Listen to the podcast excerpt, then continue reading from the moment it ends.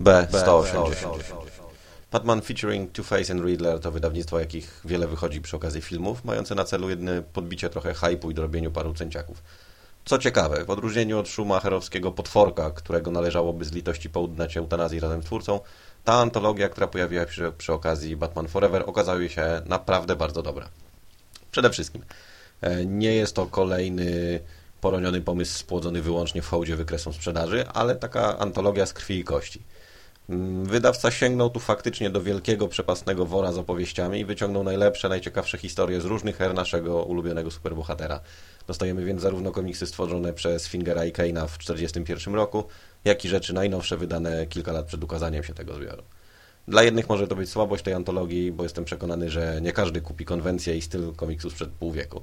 Dla mnie to akurat najciekawsza strona tego zagadnienia. Dzięki sięgnięciu tak głęboko i tak daleko do korzeni postaci mamy niepowtarzalną okazję obserwować ewolucję Batmana, jego przeciwników, jak i samej formy języka komiksu superbohaterskiego.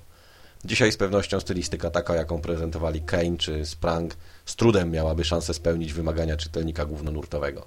To samo dotyczy pierwszych, dość naiwnych albo kiczowatych opowieści z dwoma niezaprzeczalnie ciekawymi postaciami.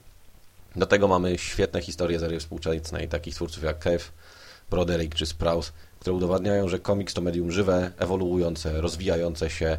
Świetnie też wskazują trendy, które zdobywały przewagę w historiach ilustrowanych. Co dostajemy? Kilka originów zarówno na Sztona, który nazywał się pierwotnie Nigma, a dopiero potem nazwisko to okazało się pseudonimem, jak i Denta, który pierwotnie nazywał się Kent.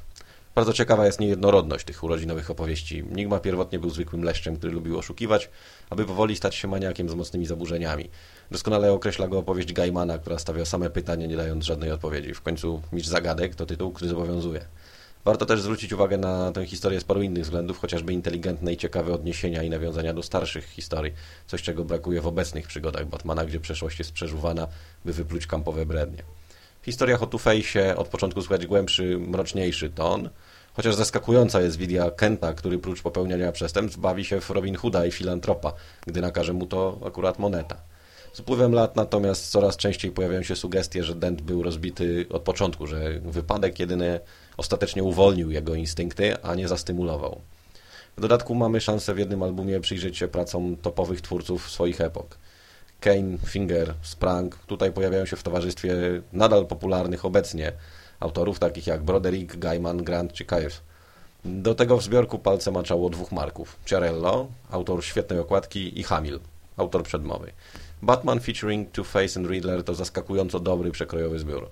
Szkoda, że mało takich się ostatnio pojawia, bo chyba potrzeba teraz nam, czytelnikom, po prostu dobrych historii, zamiast kolejnego bezsensownego resetu, po którym już nic nigdy nie będzie inne niż jest.